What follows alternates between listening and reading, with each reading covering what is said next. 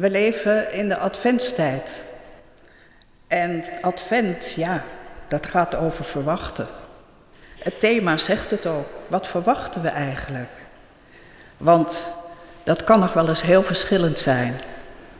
Ik lees een stukje uit het Evangelie van Matthäus, Matthäus 11, het tweede tot en met het zesde vers. Het gaat over Johannes de Doper.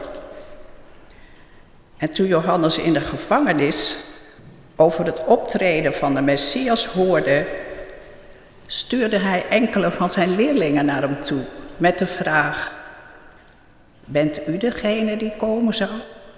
Of moeten we een ander verwachten?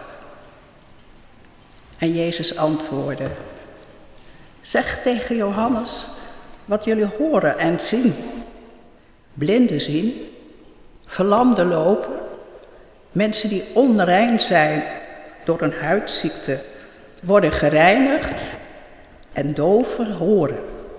Doden worden opgewekt en aan armen wordt het goede nieuws bekendgemaakt. Gelukkig is degene die aan mij geen aanstoot neemt. Lieve mensen,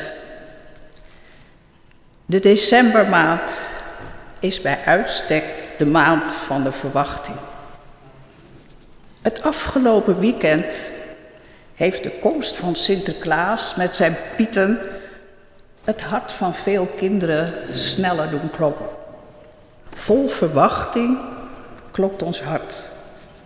Zou de goede Sint wel komen? Maar inmiddels zitten we in de adventstijd. Het tweede kaarsje is aangestoken. Advent, we zeiden het al, tijd van verwachting. Geen feest waar zo naar uitgekeken wordt als het kerstfeest.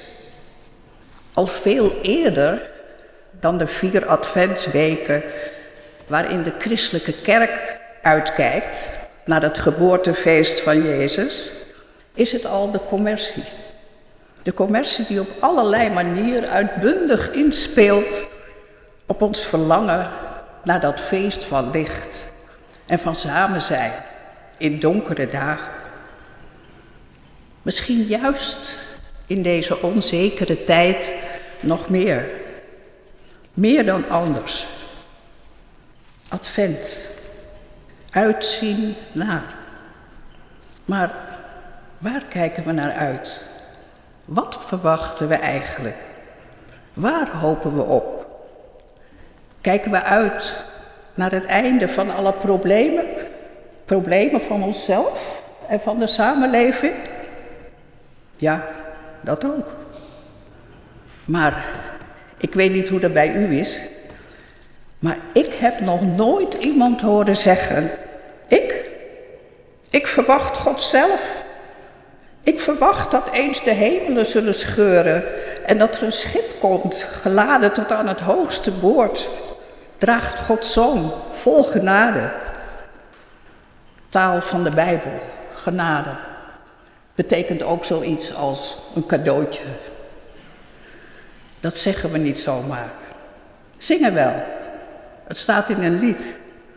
Want in de liturgie, in een lied, dan word je wel boven jezelf uitgetild. Maar wat, wat zingen we dan? Adventsverwachting is geen weersverwachting. Geen voorspelling dat bijvoorbeeld de pandemie snel voorbij zal zijn. Geen voorspelling dat de zon weer gaat schijnen in je leven. Verwachten is wat anders. Verwachten, dat gaat over durven hopen. Durven dromen. Met een diep gevoeld verlangen. Juist als er weinig licht is in je leven. Durven we dat? Advent is nog niet het Gloria zingen. De kerk zingt in de adventstijd niet het Gloria-lied.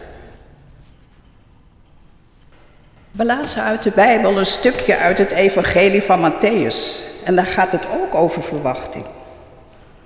Maar het is niet bepaald een blijde boodschap. De woorden klinken zelfs een beetje cynisch. Bent u het eigenlijk wel? Naar wie we zo hoopvol hebben uitgekeken? Of moeten we een ander verwachten? En deze vraag klinkt uit de mond van niemand minder dan Johannes de Doper, de voorloper en wegbereider van Jezus zelf. Johannes is gevangen genomen door koning Herodes, want hij had bij zijn optreden als profeet geen blad voor de mond genomen. En hij had het aangedurfd om koning Herodes kritiek te geven op zijn manier van leven. En dat had hem zijn vrijheid gekost. Levenslang. En toen hij in zijn cel hoorde dat Jezus in de buurt was, op wie hij alle pionnen op het schaakbord van zijn leven had gezet, stuurde hij zijn leerlingen naar hem toe met de vraag: Bent u het die komen zal? Of moeten we een ander verwachten? Vol overtuiging had Johannes gewezen naar hem, die hij gedoopt had in de Jordaan. Maar nu hij gevangen zit, weet hij het niet zo zeker meer. Hij had het zich zo anders voorgesteld. En hij is nog niet klaar om de dood te ontmoeten. De twijfel heeft toegeslagen. Bent u het eigenlijk wel, die van God gezondene? Of is er soms een grotere waarheid? Hoe herkenbaar is dat?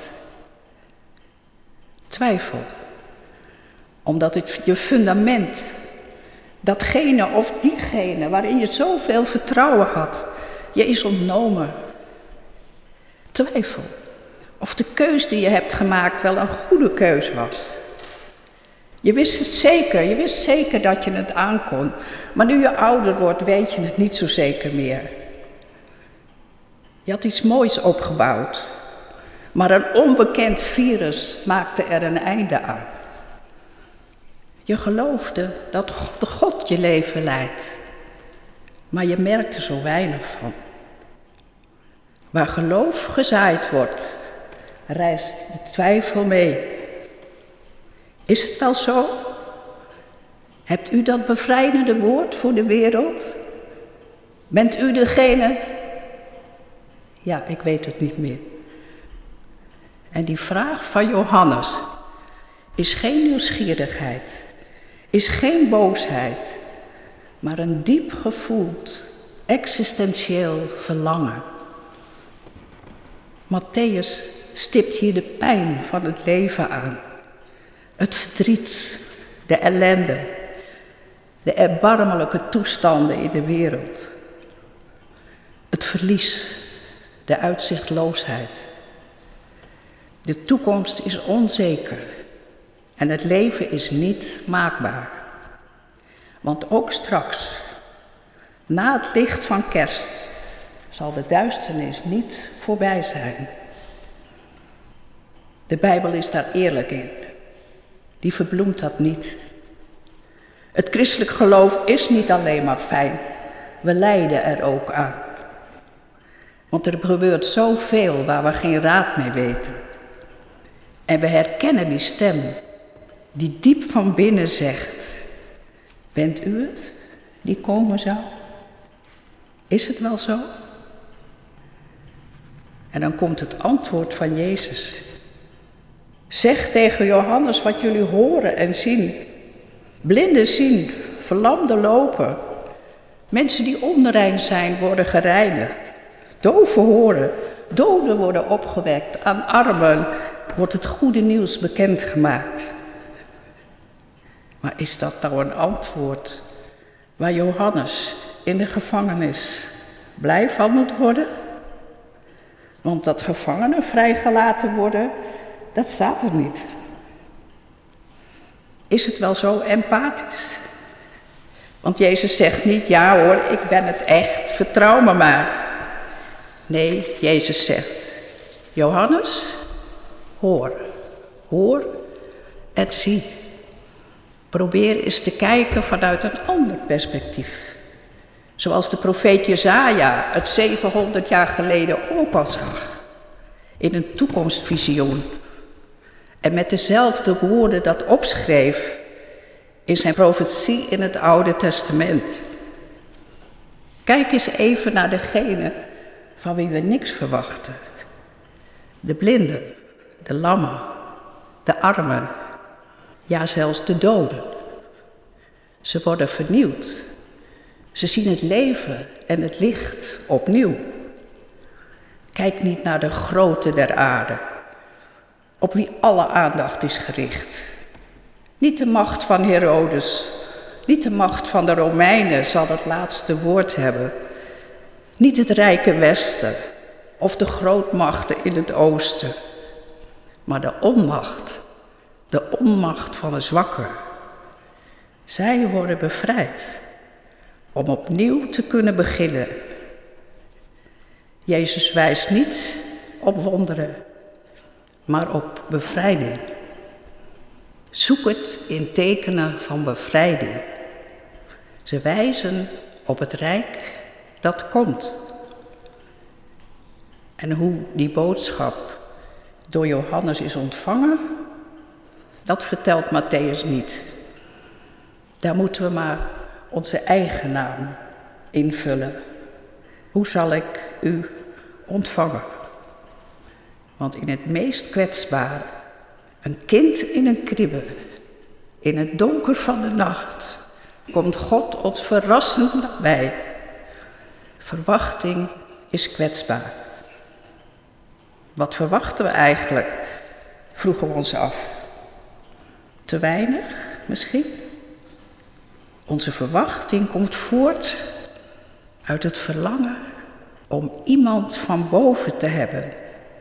Een tastbaar bewijs dat wij hier beneden niet alleen zijn. Een mens uit de hoogte tot ons neergedaald. En met deze belofte gaan we verder op onze adventsweg. En gaan we straks kerstfeest vieren. In de verwachting van het Rijk dat komt. En Willem Barnard heeft het zo voor ons in een lied verwoord dat we straks zullen zingen. Zolang gij nog onzichtbaar zijt, een zon, diep in de nacht, roep ik uw nadering reeds uit, omdat ik u verwacht. Amen.